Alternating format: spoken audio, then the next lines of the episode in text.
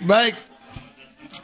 Kita ada di tempat ini untuk mengerti bahwa Tuhan menempatkan kita, semua kita, siapa pun kita, pelajar, pekerja, pria dan wanita, orang lemah, orang kuat, di dalam satu pertandingan yang wajib bagi kita untuk kita selesaikan.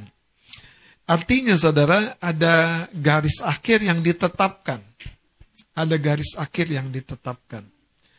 Dan kalau kita mengerti saudara bahwa setiap kali kita mencapai garis akhir dengan cara yang seperti Tuhan inginkan, kita pasti akan menerima reward.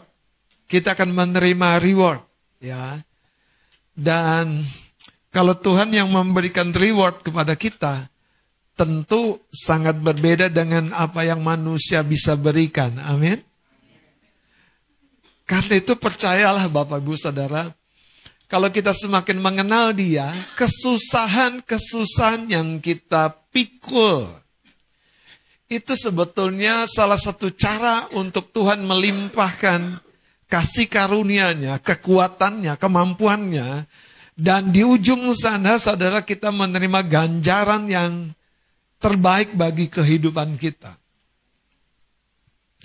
Daud bukan seorang yang hebat, bahkan Daud sebetulnya bisa dikatakan remaja yang dilupakan oleh keluarganya. Tapi Daud belajar melakukan tugas yang dipercayakan bapaknya Isai dengan cara yang tidak pada umumnya. Karena Daud berkata, kalau ada singa atau beruang menangkap domba yang digembalakannya, Anda tahu kan ceritanya? Daud bukan lari bersembunyi melihat singa atau beruang. Dan jangan lupa Daud ini masih remaja. Daud bukan seorang pemburu handal. Daud hanya terbiasa memikul tanggung jawab. Tapi di perbulan ini, ini yang saya mau sampaikan. Tanggung jawab apa pun yang engkau pikul, itu tidak pernah tanpa sebuah reward. Kadangkala kita berkata, kenapa aku harus jadi seperti seorang yang memikul tanggung jawab di keluarga, di pekerjaan, di pelayanan. Saudara, saya mekuatkan semua kita bahwa setiap kali kita bertanding, Tuhan akan memberi kekuatannya, memberi kesanggupannya. Itulah kasih karunia. Artinya kesanggupan yang dari Tuhan, saudara, sebetulnya itu melampaui apa yang dapat kita bayangkan secara logika manusia. Nah, nanti kita akan belajar bahwa ternyata, saudara, Kalaupun kita sebentar memasuki bulan Desember dan mengakhiri tahun 2023, ada satu pertanyaan yang harus kita renungkan. Sudahkah kita mencapai garis akhir yang Tuhan tetapkan dalam setiap pertandingan kita? Dalam penugasan di instansi, di organisasi ada yang namanya masa tugas kalau kembali sebelum masa tugas berakhir, tentu saudara, ceritanya berbeda. Paulus tidak kembali sebelum dia menyelesaikan garis akhirnya. Yesus merentangkan tangannya di kayu salib dan berkata, sudah selesai. Dan saudara, itu yang menjadi sebuah teladan buat kita bahwa menyelesaikan pertandingan kita di dalam kehidupan ini, ada satu kehormatan yang besar sekali dibandingkan dengan kenyamanan-kenyamanan yang mungkin menjadi impian kita secara manusiawi. Dan saudara, kita harus mengerti dari apa yang firman Tuhan ajarkan bahwa menderita bagi Kristus itu justru adalah sebuah kehormatan. Cuman menderita bagi Kristus itu sendiri bukan lagi dalam konteks yang mungkin beberapa orang tiru, yaitu bahkan memberikan tubuhnya betul-betul disalib dalam sebuah perayaan. Itu salah, saudara. Kalau Anda memikul tanggung jawab untuk kebaikan, kemajuan, kesembuhan orang lain, seperti orang Samaria yang murah hati, ketika melihat seorang yang dirampok tergeletak di pinggir jalan, hatinya tergerak oleh belas kasihan dan menanggung jawabi orang yang gak ada hubungannya sama dia dan Tuhan sampai pakai contoh itu sebagai sebuah contoh yang utama sekali tentang bagaimana kita bermurah hati. Kalau kita bermurah hati hanya sebatas kepada orang yang bisa membalas kembali, ya orang yang tidak kenal Tuhan Yesus juga sama seperti itu. Itu sebabnya malam hari ini kita harus mengerti Bapak eh, bahwa setiap dorongan di dalam diri kita yang melahirkan sebuah tindakan kasih kepada orang lain. Yang sekalipun saudara, sepertinya merugikan diri kita, ketika kita lakukan dalam kasih, dan kita lakukan dengan segenap hati dalam sebuah kesadaran Jangan nanggung kalau nolong sampai sembuh seperti seorang Samaria yang murah hati itu. Dan itu sesuatu yang Tuhan ajarkan di dalam firman-Nya. Mari kita lihat dalam 2 Timotius pasal yang keempat, ayat yang ketujuh. Sekali lagi kita bangkit berdiri, kita akan baca bersama-sama. Ayat yang ketujuh saja kita baca bersama-sama dua tiga. Aku telah mengakhiri pertandingan yang baik. Aku telah mencapai garis akhir dan aku telah memelihara iman. Silakan duduk Bapak Saudara. Dalam terjemahan yang lain ada satu ungkapan yang berbeda yang menurut saya bagus sekali. Terjemahan firman Allah yang hidup berkata begini, Aku telah lama berjuang dengan gigih bagi Tuhan. Aku telah lama berjuang dengan gigih bagi Tuhan. Dan sepanjang perjuangan itu aku tetap setia kepadanya. Sekarang tiba waktunya bagiku untuk berhenti berjuang dan beristirahat. Saudara, ketika kita melayani, ketika kita melakukan tugas kita di rumah tangga, di pekerjaan, di komunitas, ketika kita mengambil tanggung jawab untuk melakukan pelayanan, yang kamu dapat apa? Dari apa yang kamu Kamu dapat apa? Dapat susah kan? Kadang-kadang ada orang yang gak berani berkata, iya, itu kehormatan bagiku. Kita suka ngeles, enggak kok, enggak susah. Aku juga bahagia.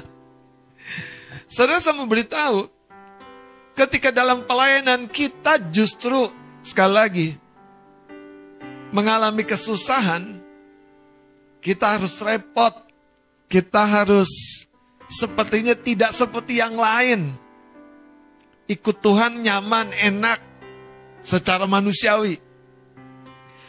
Tapi saudara, hidup ini bukan hanya di waktu yang kelihatan ini. Ada waktunya saudara, kita melanjutkan di kehidupan yang kekal. Dan apa yang kita jalani di sana, itu terpengaruh sekali dengan apa yang kita lakukan di muka bumi ini. Kalau Anda dipercaya tugas yang kecil, hati-hati saudara. Karena godaannya adalah nanti juga bisa. nanti juga bisa. Tapi waktu Anda dipercaya tugas kecil, Anda memandangnya sebagai sebuah tugas besar. Sehingga Anda mempersiapkan diri Anda dengan cara yang terbaik. Nah itu yang Paulus katakan. Aku telah bertanding dalam pertandingan iman. Aku telah melakukannya dengan cara yang terbaik. Bahkan dengan bangganya dia berkata, aku telah lama berjuang dengan gigi. Telah lama berjuang dengan gigi. Dari cerita ini kita tahu bahwa dalam kehidupan ini, kalau kita mau melihat apa yang terbaik yang kita akan terima di dalam kehidupan ini, itu tidak pernah tanpa perjuangan. Katakan amin. Tidak pernah tanpa perjuangan. Tapi sayangnya saudara, ketika kita ditaruhkan Tuhan untuk berjuang, untuk bertanding, untuk melayani, untuk mengemban tugas, untuk memikul kesusahan bagi orang lain. Kadangkala saudara, dalam pertandingan-pertandingan seperti itu, kita tergoda untuk cepat menyerah. Kita akan berkata, ngerepotin ngurus orang yang gak mau dibimbing.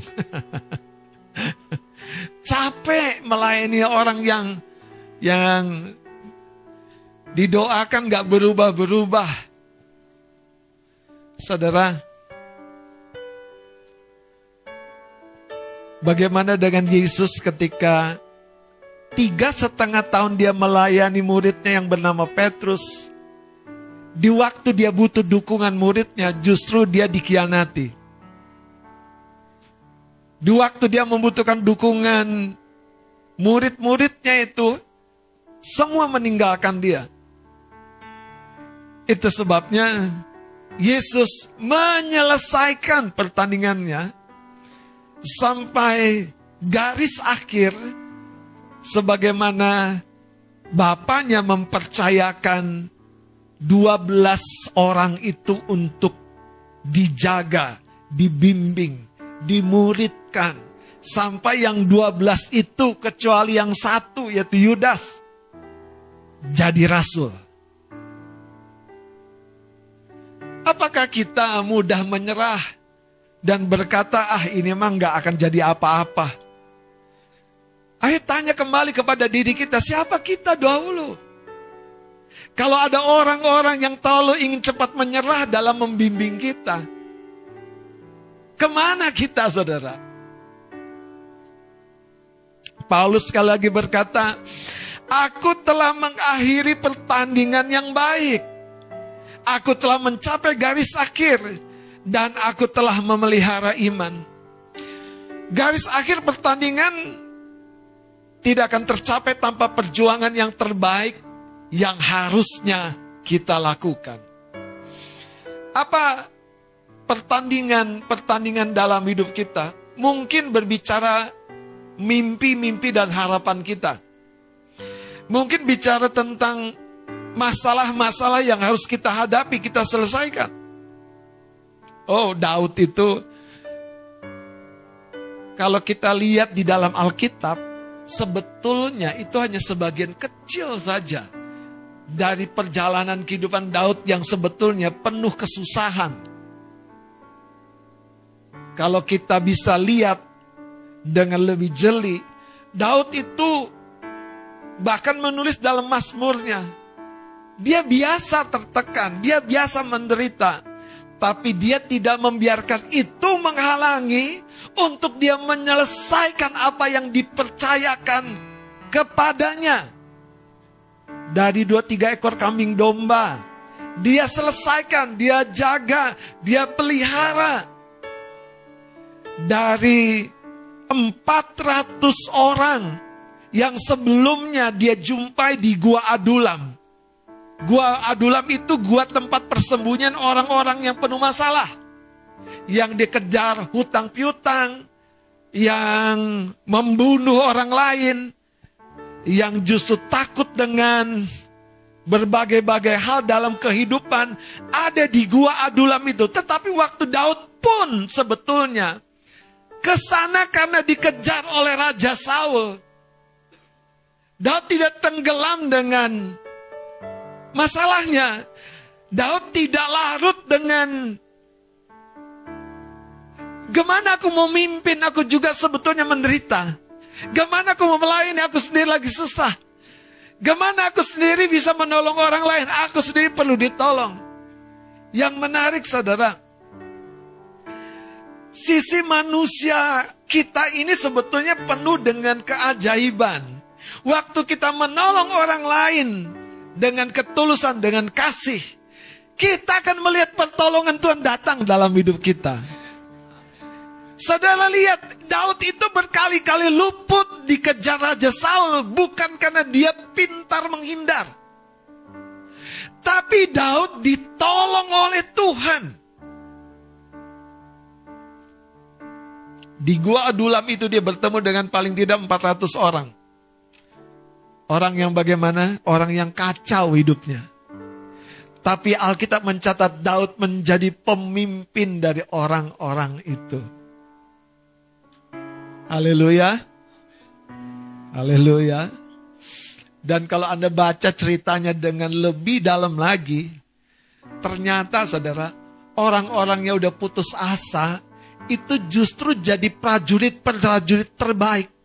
Karena orang-orang gitu udah gak peduli dengan nyawanya sendiri. Karena satu orang yang membimbing aku, satu orang yang membela aku, satu orang yang mendampingi aku yaitu Daud. 400 orang ini mendedikasikan hidupnya kepada Daud. Makanya Daud sebetulnya tidak tiba-tiba jadi raja. Dia melewati banyak kesesakan, banyak masalah. Dan itulah pertandingan hidupnya. Satu ketika Alkitab juga mencatat Daud dikejar-kejar oleh Raja Saul. Tuhan sepertinya belum kasih kasih tuntunan apa yang akan terjadi. Dia masih ngawang-ngawang, Tuhan bagaimana dengan hidupku ini? Tapi Alkitab mencatat dia tidak abai dengan keluarganya. Tidak, tidak abai dengan keluarganya. Dalam kesusahan, dalam kesesakan, dia tidak lupakan apa yang patut harus dia perjuangkan, yaitu keluarga. Saudara, jangan hanya berpikir tanggung jawab-tanggung jawab yang besar. Kesehatanmu itu tanggung jawabmu. Haleluya. Kalau kita jadi seorang yang biasa bertanding, berjuang, saudara. Sampai batas akhirnya, kita akan tahu setiap kali kita sepertinya tidak mampu, sepertinya akan jatuh terkapar. Alkitab mencatat Yesus mengulurkan tangan kepada Petrus yang sebetulnya sudah tenggelam. Dan Petrus diangkat keluar. Jadi masalahnya kalau kita hanya mengukur diri kita dari keterbatasan, Tuhan berkata kepada Petrus, berjalanlah. Artinya apa? Melangkahlah keluar Berjalanlah di atas air, keluar dari perahu, menghampiri aku. Kekasih-kekasih Tuhan. Mari kita bertanding. Mari kita capai garis akhir kita. Amin. Setiap pendidik, garis akhirnya tentu adalah ketika mewisuda anak-anak didiknya. Betul nggak? Iya teman-teman. Ketika kita betul-betul bertanding dan mencapai garis akhir kita, kita akan tahu kita bukan sekedar melakukan sesuatu yang layak sebagaimana kita di dunia ini sebagai seorang pekerja, sebagai seorang pelayan Tuhan, sebagai seorang bapak, sebagai seorang ibu, tapi kita sebetulnya layak di pandangan Tuhan. Kalau Anda baca Yohanes pasal 17, Yesus tuh sudah sampai kepada titik-titik yang penghabisan. Dia berkata begini, Aku udah ajarin firman daripadamu Bapa. Dan aku tidak akan bersama-sama dengan mereka terus. Artinya Yesus sadar bahwa batas akhirnya itu kalau secara kurun waktu kira-kira tiga setengah tahun saja, itu sangat singkat, tapi dia telah memaksimalkan perjuangannya supaya satu ketika ketika dia melintasi kehidupan ini beralih dia telah meninggalkan saudara hal-hal yang bernilai dan besar yang akan berdampak kepada kehidupan ini. Apa yang telah kita lakukan? Pertandingan apa yang sudah kita perjuangkan?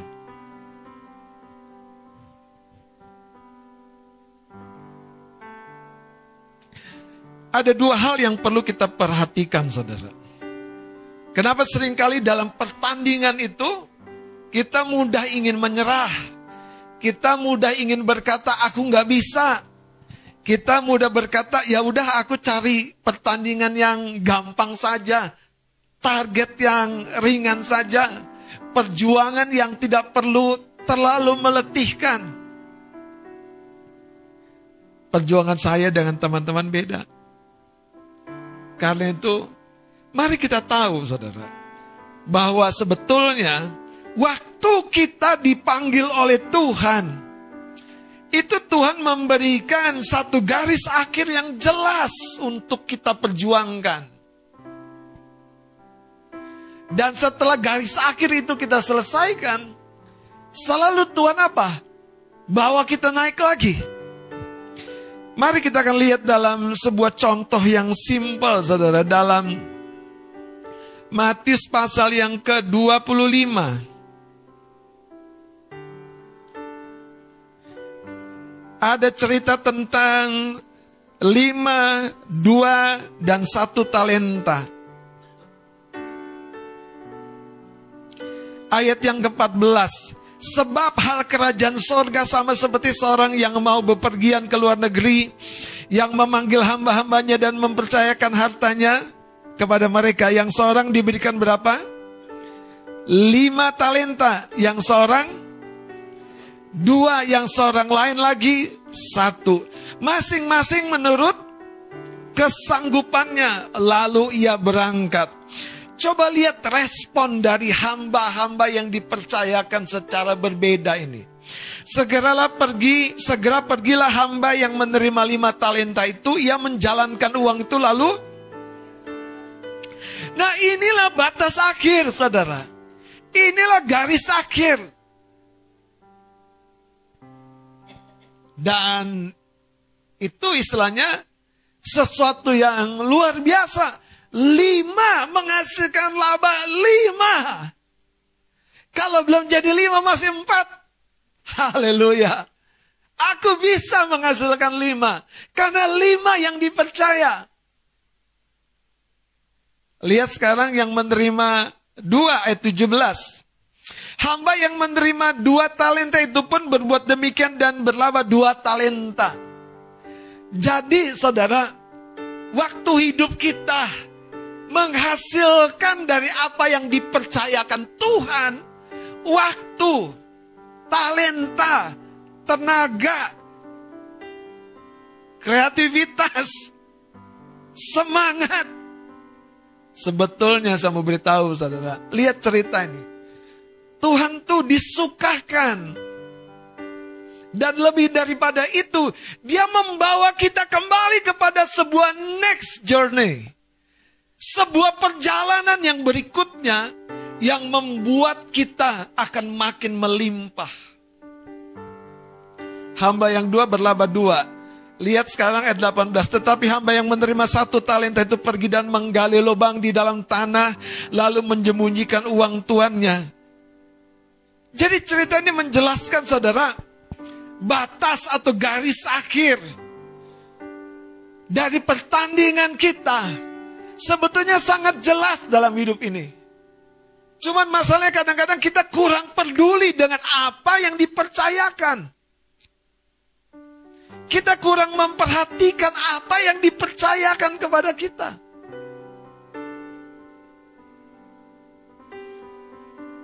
Waktu saya mulai jadi full time, lepas pekerjaan kantor, godaan yang muncul adalah saya bisa bangun siang.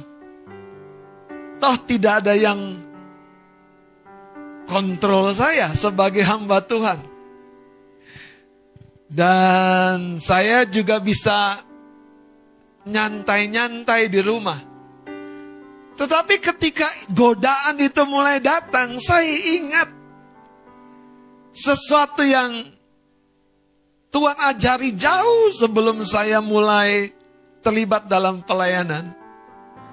Ketika saya SMA lulus sebelum bekerja, saya jadi pegawai toko, saya punya opung. Kalau siang hari godannya adalah ngantuk, capek. Dan pengennya tidur. Dan kadang-kadang saudara, saya masuk ke kamar. Tapi saya ingat nanti sore adalah hari persekutuan. Nanti kita akan ketemu dengan jemaat, dengan teman-teman pelayan Tuhan yang lain. Masa saya yang kerjanya cuma jaga toko santai? Kalau yang terima satu talenta dikasih dua saja, jangan-jangan lebih baper dia. Yang dikasih satu talenta harusnya bersyukur. Aku dikasih tanggung jawab. Yang sebetulnya aku bisa. Hari ini sudahkah kita sadari? Di setiap pertandingan hidupmu, Tuhan memberikan kesanggupan, kebisaan, katakan amin. Tuhan memberikan kesanggupan dan kebisaan itu melimpah bahkan sebetulnya. Nah, ayat 21 ini dikatakan begini. Kamu telah setia dalam perkara kecil, aku akan memberikan kepadamu tanggung jawab dalam perkara yang besar. Masuklah dan turutlah dalam kebahagiaan Tuhanmu. Jadi sebetulnya lima talenta yang dikasih itu, itu seperti sebuah ujian. Tanggung jawab. Karena kebahagiaan yang sejatinya bukan dari lima talenta yang dikerjakan dan menghasilkan buah. Tapi kebahagiaan yang sejatinya adalah dibawa masuk mengikuti kelimpahan yang dari tuannya. Bahkan kalau kita lompat saudara, ayat yang ke-26. Maka jawab Tuhanmu itu, hai kamu hamba yang jahat dan malas. Ini yang terima satu. Kan Tuhan bilang, Tuhannya bilang kamu sudah seharusnya menjalankan uang itu. Bahkan memberikan kepada orang yang mau menjalankan. Karena yang satu ini tidak melakukan bagiannya, Ayat 30 bahkan dikatakan campakkanlah. Tapi talenta yang satu itu ayat 29 itu diberikan kepada yang terima lima talenta. Apa pesan yang kita harus tangkap dalam cerita ini? Setiap pertandingan, setiap perjuangan yang kita lakukan, ada garis akhir yang ketika kita selesaikan tiap-tiap hari, tiap-tiap bulan, tiap-tiap tanggung jawab kita ditanya, gimana sudah lakukan tugasmu? Siap Tuhan. Lima sudah berlaba lima. Wah bahagia dong Tuhan yang kasih lima talenta itu. Terus kalau jadi hamba itu kita kira-kira Tuhan bagianku apa dong?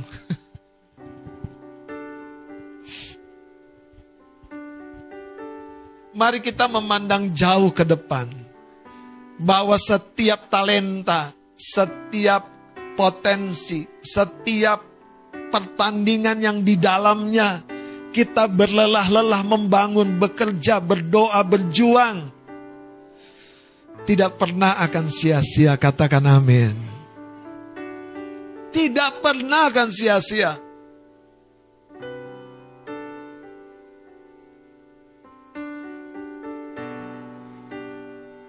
Ada seorang ibu yang datang dan kemudian kami layani. Dan ibu ini sebetulnya berjumpa dengan kami sekian tahun yang lalu. Terpisah komunikasi dan datang dan jumpa lagi. Ibu ini ada banyak beban. Salah satunya sakit penyakit di tubuhnya. Yang kedua, masalah keluarganya. Yang ketiga, masalah luka di jiwanya. Yang keempat, masalah dengan suaminya. Belum lagi yang terhitung. Datang ke sekretariat jumpa dengan saya dengan isi saya. Kami muridkan. Yang jenis seperti ini bahkan saya bilang, ya udah kita layani di, di sekretariat aja. Tidak usah datang dulu ke gereja. Anda tahu, ada orang-orang yang datang tuh dorongan hatinya ingin memberkati. Kami sampai bilang, Bu, jangan bawa apa-apa kalau datang ke sekretariat. Dia mau kasih apa pun, saya bilang, jangan bu, belum waktunya, belum waktunya, belum waktunya. Saudara, dari cerita ini apa yang saya mau katakan? Kita melayani yang sebetulnya nggak dapat apa-apa dari orang itu. Kita memberi. Tapi tahukah saudara, kalau Tuhan menyodorkan itu ke kita, apakah kita akan bilang, ah ini mah cocoknya sama si Anu saja. Yang punya banyak waktu, punya banyak kesempatan. Saudara kita lupa dalam hidup ini, sang pemberi reward itu bukan manusia. Itu yang saya mau bilang. Kalau teman-teman dikasih kepercayaan, bagaimana caramu berjuang? Apakah kau berjuang sampai garis akhir? Apakah kau berjuang sampai menuntaskan apa yang dipercayakan kepadamu? Apakah engkau dikasih tiga dua tiga ekor kambing domba dan ketika ada bahaya datang menyerang dan berkata, sorry Tuhan, dia nggak mau aku bimbing. Saudara, makin ke sini saya makin sadar, masalah yang terbesar di gereja itu bukan jiwa-jiwa mau dilayani atau tidak, tapi apakah pelayan-pelayan sudah belajar seperti Yesus yang ketika dikhianati Petrus malah mendatangi Petrus? yang disangkali oleh Thomas. Aku nggak percaya tuh Yesus bangkit. Malah mendatangi Thomas dan berkata, Thomas, cucukan jarimu. Saya memberitahu saudara. Kalau gereja kita bangkit di level ini. Tidak ada satu jiwa yang luput dari kasih karunia Tuhan dan diubahkan Tuhan. Itu sebabnya yang pertama saudara, kita harus tahu garis akhir kita. Waktu Daud dipercayakan dua tiga ekor kambing domba itu perjuangan yang aneh. Kenapa? Bo ya waktu dia sudah gembalakan 50 domba kayak datang singa dan beruang gitu. Ini waktu dua tiga ekor kambing domba dipercaya, eh datang pula singa dan beruang. Apa poinnya saudara? Udah dua tiga ekor kom, eh, kambing domba yang mau dijaga. Eh musuhnya gede banget gitu. musuhnya bukan hanya singa, beruang pula datang. Yang menarik, Alkitab tidak mencatat Daud mengeluh. Alkitab sebaliknya mencatat Daud selalu jadi orang yang siap sedia. Pagi dia keluarkan domba, Malam dia hitung. Masuk semua nggak ke kandang. Haleluya. Bapak Ibu dengerin saya. Dalam hidup ini, setiap tahun itu Tuhan punya perhitungan. Punya perhitungan. Cuman kalau Anda tanya, kenapa di akhir tahun kok malah banyak masalah yang datang? Ngelihatnya harus begini. Setan dan dunia tuh berupaya membuat Anda miss. Ngelihatnya salah. Anda berkata, aku nggak bisa, aku nggak kuat. Aku, ah Tuhan. Dan Anda lari dari garis pertandingan Anda. Anda lari dari garis pertandingan Anda.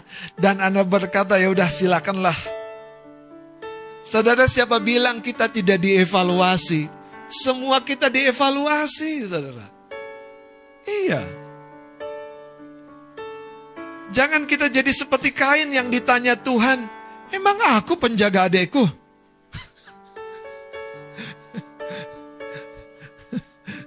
Anda tahu kan cerita kain kan?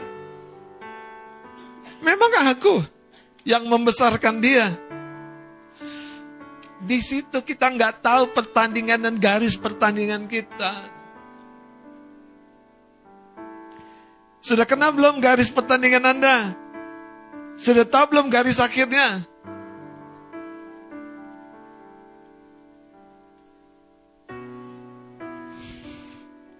Saya dikasih talenta musik. Kalau saya belum melahirkan orang yang pintar main gitar lagi, menurut saya, talenta yang Tuhan kasih itu belum mencapai garis akhir. Mungkin orang berkata ya bang, tapi kan gak semua kayak bang. Iya. Masalahnya adalah kita harus tahu apa yang dipercayakan Tuhan kepada kita. Amin. Yang kedua saudara, kenapa kita ingin mudah menyerah dan lari dari pertandingan dan pergumulan kita? Masalah kesehatan, masalah keuangan, masalah keluarga, masalah pasangan hidup, masalah apa pun dalam kehidupan kita, itu sebuah pertandingan. Katakan haleluya. Kita harus tahu Tuhan memberikan kasih karunia kepada kita. 1 Korintus 15 ayat 10 mari kita akan baca dengan cepat. 1 Korintus 15 ayat 10 tetapi karena kasih karunia Allah aku adalah sebagaimana aku ada sekarang. Artinya saudara, progres hidup kita, ketahanan hidup kita, itu ditentukan dari kasih karunia yang berlanjut kita alami, kita terima.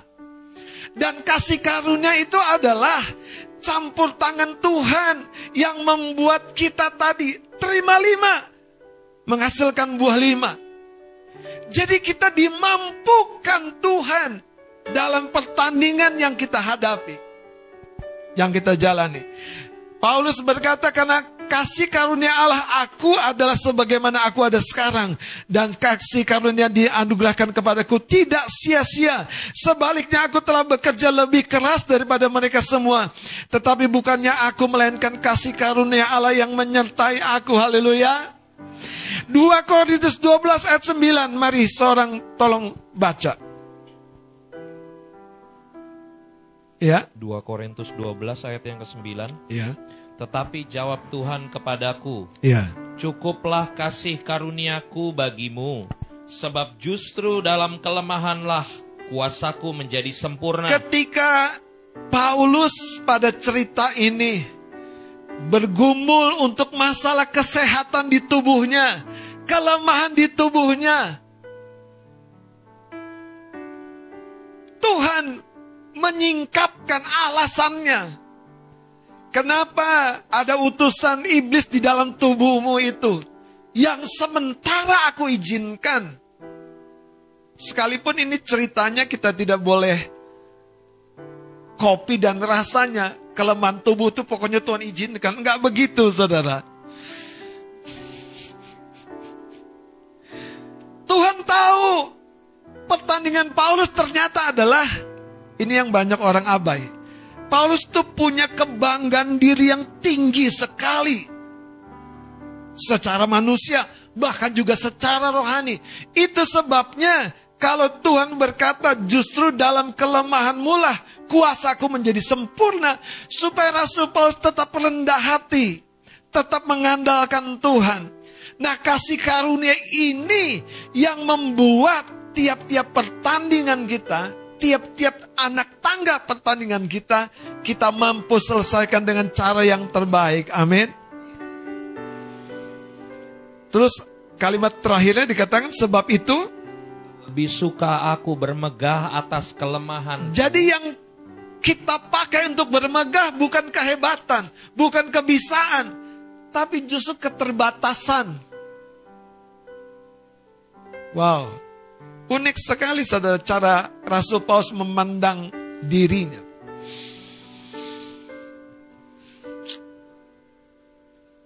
Berapa banyak kita melihat masalah-masalah dalam hidup kita adalah sekolah. Artinya apa? Masalah-masalah itu sebetulnya sedang mendidik kita. Mari kita lihat 1 Samuel pasal 30 ayat 1 sampai 19. Ini cerita tentang Daud di kota Ziklag. Nanti teman-teman baca di rumah ya. Saya mau kutip dengan cepat karena waktu. Ketika Daud kembali dari peperangan, dia kembali ke kotanya, kota di Ziklag itu. Kotanya udah dibakar habis. Dan semua orang marah kepada Daud. Kenapa? Karena Daud pemimpinnya. Dan semua orang sudah siap melempari Daud dengan batu. Saudara, apa yang Daud alami itu adalah pertandingan apa yang Daud harus pikul pada waktu itu adalah sebuah pertandingan yang orang lain tidak mengerti. Tapi dari cerita itu saya lihat begini saudara. Setiap masalah yang mendatangi hidupmu itu bukan hadir tanpa maksud ilahi. Seperti tadi masalah sakit di tubuhnya Paulus. Tuhan ingin masalah tersebut finish di tangan dan kasih karunia yang Tuhan berikan kepadamu. Tuhan ingin masalah-masalah itu selesai di hidup kita. Masalahnya adalah apakah kita belajar dua poin itu.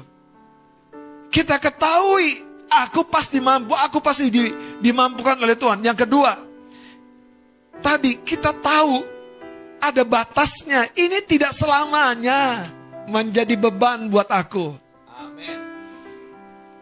Kita akan naik, naik, kita akan beranjak dan di sana kita akan menikmati saudara yang memang Tuhan sediakan sebagai reward buat hidup kita. Anda baca di dalam 1 sama 30 ayat 1 sampai 19 ini ada satu kesempatan Daud sudah sangat terjepit. Dan dia bingung. Semua tentaranya nangis, dia juga nangis. Semua tentaranya berputus asa, dia juga berputus asa. Tapi coba kita lihat endingnya untuk seorang yang bertanding.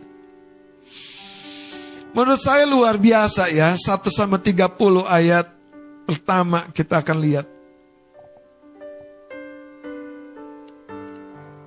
Satu sikap yang pantang menyerah dari Daud.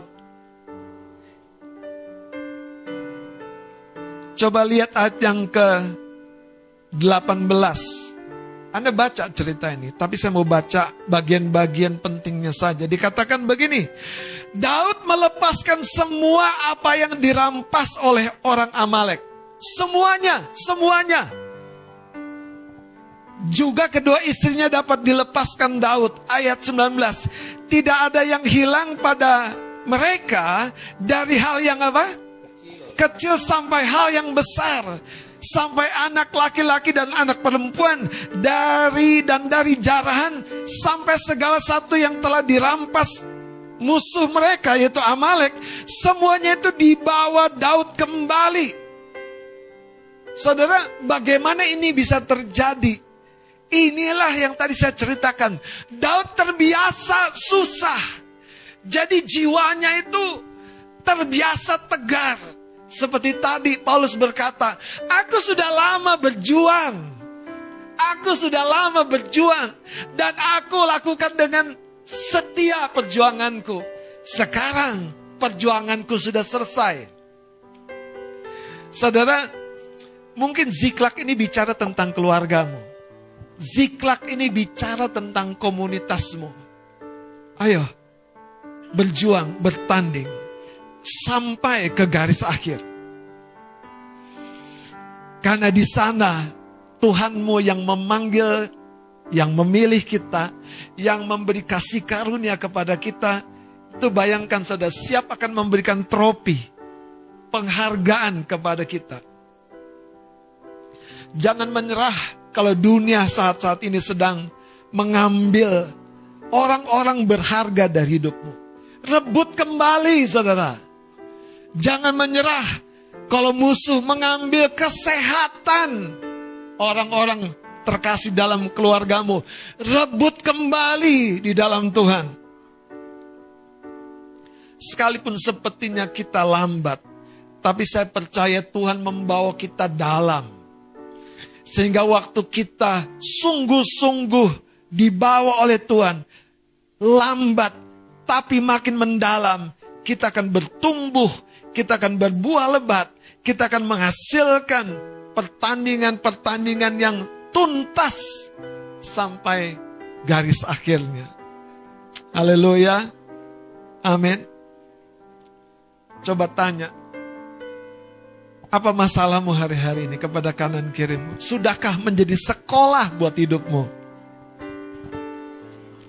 Sudahkah menjadi sekolah dalam hidupmu?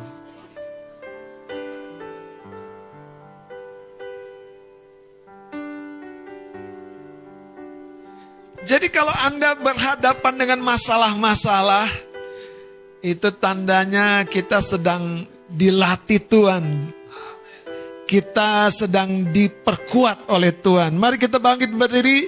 Ayat yang terakhir Mazmur 119 ayat 71.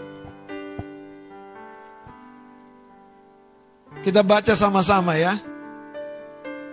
Mazmur 119 ayat 71 kita baca sama-sama 2 3 bahwa aku tertindas itu baik bagiku supaya aku belajar ketetapan-ketetapan. Saudara lihat masalah sebagai masalah yang akan kita pecahkan. Maka dari masalah yang kita pecahkan itu seperti Daud menangani empat orang, 400 orang yang bermasalah di gua Adulam itu. Daud menerima ganjaran yaitu kesetiaan dari 400 orang itu yang hidupnya ditolong. Hari ini jangan menyerah. Kalau yang datang masalah lagi dan masalah lagi.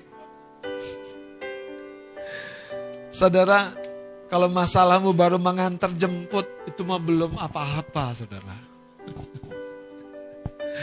kalau masalahmu baru berkorban, ya mobilmu agak kotor dikit, itu mah belum masalah, saudara. Haleluya. Kalau masalahmu baru hal-hal yang materi, bahkan itu sebetulnya belum masalah sama sekali. Daud telah terjepit di di ziklak itu. Daud itu sudah siap dilempari batu oleh pengikut-pengikutnya. Yang menarik adalah Daud tidak bilang begini, dulu lu semua pada gue tolong. Sekarang lu pada lu sama gue. Daud nggak muncul tuh manusia lamanya.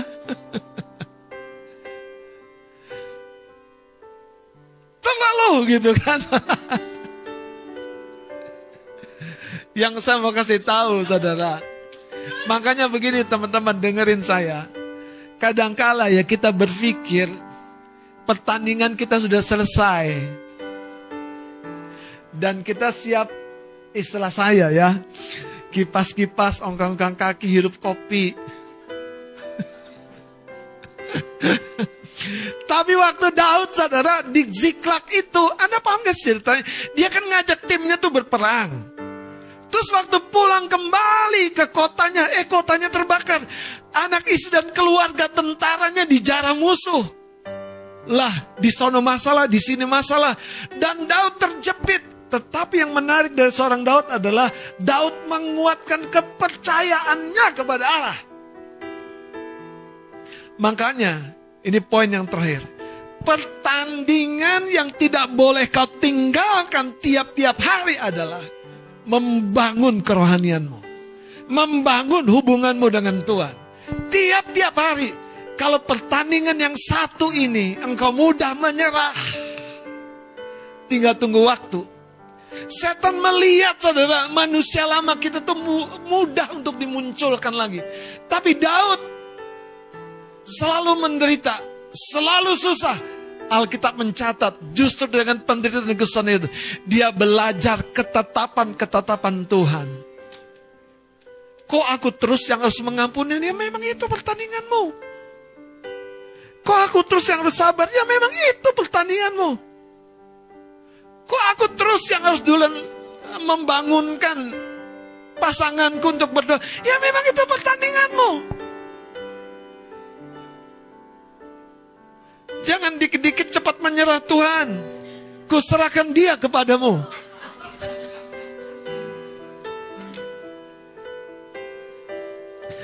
Makanya Tuhan Yesus kalau Anda perhatikan memang betul-betul teladan kita.